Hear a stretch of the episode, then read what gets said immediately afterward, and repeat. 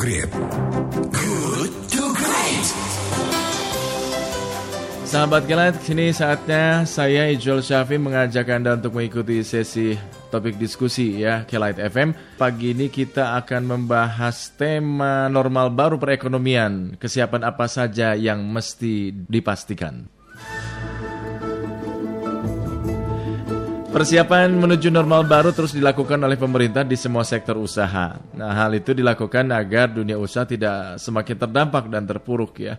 Pemerintah ingin menggerakkan kembali aktivitas masyarakat secara normal meskipun krisis kesehatan akibat pandemi corona belum benar-benar berakhir.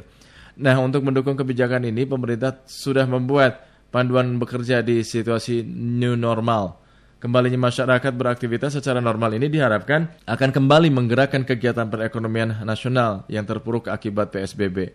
Nah, kita ketahui bahwa laju pertumbuhan ekonomi Indonesia sepanjang kuartal pertama tahun ini hanya 2,97 persen. Ini berdasarkan data dari BPS ya. Normal baru perekonomian, kesiapan apa saja yang mesti dipastikan. Kemudian jika perubahan perilaku perlu menjadi rujukan kebijakan pemulihan ekonomi, maka kebijakan seperti apa yang uh, diperlukan? Nah, untuk menjawab pertanyaan-pertanyaan tadi, kita akan diskusi mendengarkan uh, pemikiran narasumber kita yaitu Dr. Horace Julius. Beliau adalah Ketua Program Studi Ekonomi Fakultas Ekonomi dan Bisnis Unpas.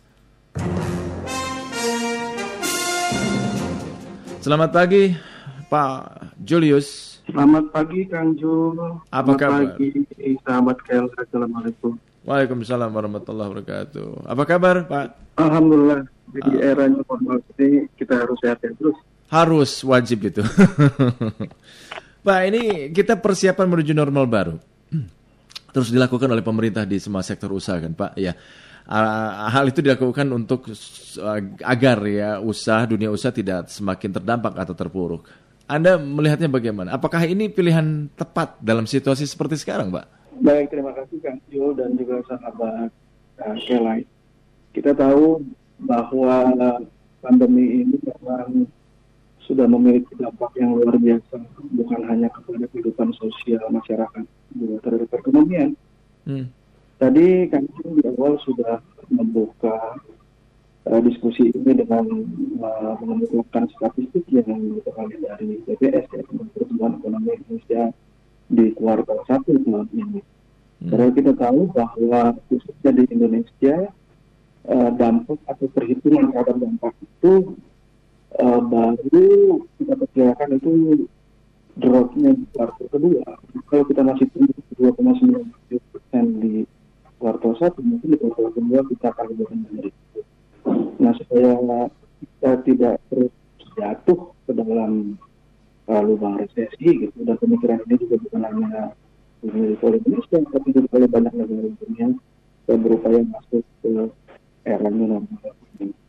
Mhm. Nah, kalau pertanyaannya tentang apa saja sih yang harus kita persiapkan gitu ya, dalam menghadapi uh, new normal khususnya dari di dalam bidang perekonomian. Um, sebetulnya di- kalau saya membaginya menjadi tataran makro dan mikro. gitu ya. Ya. Nah, kalau mikro itu maksudnya pelaku usahanya dan masyarakatnya ini uh, supply dan demand. Tapi sebelum itu ada tataran yang lebih makro. Nah, tataran makronya pertama adalah kesiapan kebijakan daerah. Nah, ini harus ada suatu komando dalam pelaksanaan daerah serta ada penegakan hukum yang terukur. Ya. Hmm. Jadi kita sudah melalui tahap misalnya bagaimana PSBB itu diusulkan. Nah, Kan kita sudah eh jauh dari itu. Tapi intinya harus ada satu komando. Yang, ber- yang berikutnya masih dalam kesiapan kebijakan daerah perlu ada regulasi yang jelas dalam rangka penegakan aturan kepada pelaku usaha dan masyarakat.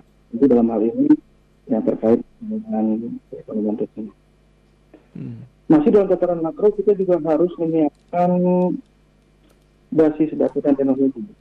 Maksudnya eh, penetapan atau penerapan eh, new normal itu harus selalu dipantau ya bagaimana kaitannya dengan misalnya indikator penularan. Nah ini harus ada basis data yang firm ya, dan kita juga harus lain mesti. Ya. Hmm. Dan kita juga harus belajar dari negara lain dan daerah lain. Jadi kita harus belajar bagaimana misalnya uh, New Zealand, Korea Selatan, gitu ya. Hmm. Atau kita juga belajar kalau mirip-mirip dengan kita jumlah penduduknya, gitu, Brazil misalnya, gitu.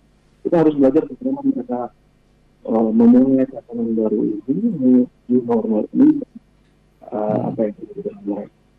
Hmm. Masih dalam tataran makro, yang ketiga adalah kita harus menyiapkan sistem kesehatan masyarakat. Nah ini juga walaupun tidak terkait langsung tapi penting. Hmm. Ya, kita harus meyakinkan apakah kapasitas sistem kesehatan masyarakat itu ya, dapat mengidentifikasi, melakukan pengujian, melacak, karantina bila diperlukan. Jangan sampai nanti eh, basis data dan teknologinya sudah siap, begitu begitu kita mereview secara dari lingkungan, ternyata sistem, sistem masyarakat kita kurang mendukung. Mm-hmm. Nah ini yang saya sebut dengan apa, tataran makro dari uh, persiapan yang harus di, kita lakukan. Yeah, yeah. Nah sekarang yang tataran mikro nih, tataran mikro ini yang terkait langsung dengan pertama pelaku usaha, ya pelaku usaha. Uh, mereka tuh harus siap menjalankan uh, protokol kesehatan. Ya, misalnya dengan melakukan pembukaan sektor-sektor perekonomian, tertentu ya di daerah yang uh, sudah masuk klasterisasi hijau. Jadi harus ada klasterisasinya. Mm-hmm. Nah, yang kedua, pelaku usaha juga harus siap menjalankan protokol kesehatan yang standar lah, yang sering kita dengar. Ya, jadi mereka harus menyiapkan hal-hal detail seperti uh, pemeriksaan masker, termogan, hand sanitizer, menyiapkan marka, gitu ya. Bahkan kalau perlu mungkin ada teknologi yang memaksimumkan handsfree teknologi, nggak usah sentuh-sentuh misalnya dan hmm. sebagainya. Mm. Dan juga kesiapan beradaptasi menggunakan IT gitu ya. Mm. Nah ini juga misalnya uh, menggunakan uh, terutama untuk UKM ya, bagaimana mereka bisa mengakses penjualan online, pembayaran non cash misalnya. Mm -hmm. Nah ini uh, kesiapan dari sisi uh, pelaku usaha tapi bukan hanya itu, masyarakat juga harus diajak untuk bersiap-siap karena kalau uh, sisi pasokannya siap, sisi demandnya enggak, yeah. amburadul juga. Yeah, yeah, ya, masyarakat yeah. tuh harus siap menjalankan protokol kesehatan, harus ada kampanye publik yang mengena. Jadi saya pernah uh, apa namanya mendengar juga gitu ya dari beberapa media, ternyata dalam beberapa bulan ini kampanye publik ataupun eh, berita-berita tentang eh, bagaimana masyarakat harus menyiapkan diri masuk ke era new normal ini itu sering kali tidak mengenal gitu kepada lapisan masyarakat berpendapatan menengah bawah. Hmm. Nah, jadi mereka nggak tahu nih, apa sih saya harus harus melakukan ini semua begitu. Hmm. Padahal mereka punya banyak keterbatasan berbeda dengan masyarakat yang penghasilan menengah. Yeah, yeah. Jadi saya kira itu penunjuk kalau yeah. saya sih lihat ada tataran makronya sebelum masuk ke uh, tataran mikro, nah mikro itu sendiri ada pelaku usaha dan masyarakat. Hmm. Ini uh, Dennis Jesnower dalam papernya yang berjudul The Socio-Economic of Pandemic Policy. Jadi memang me, harus ada readaptasi kebijakan untuk mengantisipasi perubahan perilaku, perilaku ekonomi uh, supaya tidak terjadi great economic mismatch gitu loh Pak Julius. Nah, Apakah pemerintah juga sudah mulai mengarah ke sana ini dalam membuat sebuah kebijakan gitu supaya tidak terjadi great economic mismatch gitu loh? Ya, jadi kalau saya lihat ya pemerintah Indonesia memang di awal-awal kita uh, apa namanya menerapkan kondisi tanggap darurat uh, eh, COVID-19 ini, kita lihat memang ada semacam apa ya semacam waktu pembelajaran lebih itu yang di yang dibutuhkan. Tapi kalau saya lihat belakangan ini, ya, uh, ketika aturan mainnya sudah ditetapkan, gitu polisinya sudah ditetapkan, bagaimana misalnya kepala daerah itu uh, mereka dianggap orang yang paling tahu kebutuhan daerahnya, hmm. lah misalnya Jawa Barat gitu, itu sudah menetapkan misalnya lima tahap, ya hmm. adaptasi kebiasaan baru misalnya yang di antaranya juga terkait dengan perekonomian. Yeah, yeah. Nah, alhamdulillah seiring dengan berjalannya waktu, saya lihat sinkronisasi kebijakan antara pusat daerah juga makin baik gitu, ya. Uh, artinya uh, semua lapisan pemerintah baik uh, pemerintah pusat, provinsi maupun daerah sekarang sudah uh, menyadari menyadari supaya kita bisa masuk ke dalam era new normal ini ya, artinya masyarakat juga maupun kita semua gitu bisa terhindar dari katakanlah potensi resesi gitu tapi kita harus tanda kutip ya berdamai dengan virus ini yang diperkirakan mungkin akan tahunan hmm. gitu berada hmm. kita. Hmm. Nah, ini laju pertumbuhan ekonomi Indonesia sepanjang kuartal pertama tahun ini hanya 2,97 persen ya dari BPS datanya ini. Padahal kebijakan PSBB baru mulai diberlakukan April kalau tidak salah 2020 sehingga pertumbuhan triwulan pertama kan belum mencerminkan dampak PSBB ya Pak. Menurut Anda apa artinya ini? Iya, memang kalau kita uh, lihat pertumbuhan kuartal pertama atau triwulan pertama itu angkanya masih uh, positif. Memang selalu ada delay antara uh, apa namanya statistik yang dikeluarkan oleh BPS dengan kondisi nyata yang kita hadapi. Hmm. Nah, uh, artinya memang pada awal-awal itu kita masih mampu uh, apa namanya tumbuh. Gitu. Cuman perhatikan, walaupun perhitungannya ini kuartal satu, angkanya itu 2,97. Yeah. Yang kalau kita bandingkan dengan tahun lalu, ini uh, sedikit lebih rendah, gitu ya. Hmm. Gitu. Nah, dari kondisi yang kita hadapi sekarang, kita sangat yakin bahwa pada statis uh, pada kuartal 2 nanti ketika statistiknya keluar, angkanya lebih rendah dari itu. Hmm. Nah, kenapa lebih rendah dari itu? Ya, kita lihat bagaimana uh, social distancing ini atau physical distancing ini membuat banyak sektor perekonomian tidak bisa bekerja, tidak dapat beroperasi dengan uh, baik. Gitu. Hmm. Nah, untuk dapat bisa menggerakkan perekonomian ini, tentu kita harus atur nih, ya, harus atur. Masyarakatnya harus diatur, pemerintahnya harus uh, juga menyiapkan aturan yang jelas. Gitu. Hmm. Hmm. Nah, uh, kalau sekiranya kita tidak siap memasuki era new normal ini, yang kita khawatirkan nanti kita tidak bisa kembali recovery pada kuartal ketiga dan kuartal keempat. Mm-hmm. Nah ini kan harapannya walaupun kita akan terpuruk di kuartal dua dan ini kita sudah lalu walaupun statusnya ah, maaf statistiknya belum keluar, mudah-mudahan di kuartal ketiga dia tidak terus turun dan di kuartal keempat kita bisa uh, recovery mm-hmm. ya uh, mengejar paket pertumbuhan kita yang ya tadinya lima persen lalu dikoreksi mudah-mudahan bisa positif gitu di, hmm. tahun hmm. Iya, ini kan kita berbicara kalau ekonomi berarti tidak terlepas dari para pengusaha gitu, Pak. Jelang normal baru ini sejumlah kalangan pengusaha juga mengaku sudah pasti membutuhkan stimulus dari pemerintah ya karena jumlah yang sudah dikucurkan ini dirasa kurang gitu loh. Nah, di sisi lain adanya normal baru juga akan menambah uh, anggaran perusahaan. Bagaimana Anda melihat problematika teman-teman pengusaha ini, Pak Julius? Baik, Kang Jul. Jadi, tadi saya sampaikan secara mikro harus ada kesiapan pelaku usaha. Hmm. Gitu ya. Hmm. Nah, kesiapan ini tadi yang disebutkan uh, apa namanya ada istilah saya itu kesiapan menjalankan protokol kesehatan, kesiapan beradaptasi, tapi juga harus ada kesiapan dari internal manajemen perusahaan itu sendiri. Hmm. Ya. Kesiapan dari sisi operasi, sumber pengelolaan sumber daya manusia, kesiapan dari sisi uh, manajemen keuangan misalnya. Karena memang di era ini uh, para pelaku usaha, terutama UKM, ya, saya menggarisbawahi yeah. UKM, itu hanya bisa mampu beroperasi dengan 50% dari kapasitasnya.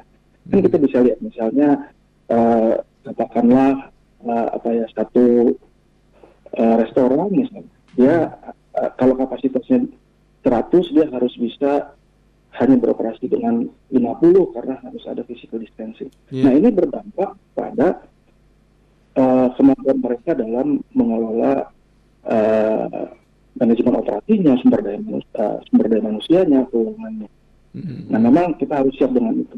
Mm. Dan siapa pihak yang uh, punya tanggung jawab uh, lebih gitu ya, ya masyarakat dan pemerintah. Yeah. Karena memang kita lihat gini, kalau saya melihatnya ada kecenderungan, ya ada kecenderungan, makin tinggi skala usaha uh, suatu bisnis, yeah. gitu ya, itu semakin mampu beradaptasi dengan teknologi finansial gitu. Tapi dia semakin rendah UMKM tadi saya sebutkan. Hmm. Itu kemampuan mereka beradaptasi itu semakin rendah. Hmm. Nah ini memang pemerintah harus masuk ke dalam uh, celah-celah ini. Begitu juga dengan masyarakat. Jangan lupa ya, bukan hanya pelaku usahanya, tapi masyarakat juga. Masyarakat yang menengah atas itu, kalau kita lihat mereka sebagai pembeli atau demand, itu mereka juga kemampuan beradaptasi terhadap teknologi itu lebih lebih tinggi sehingga potensi mereka untuk katakanlah uh, terpapar itu lebih rendah secara sains gitu ya. Hmm. Nah, Iya. Tapi masyarakat yang menengah bawah ini kemampuan beradaptasinya Iya, iya.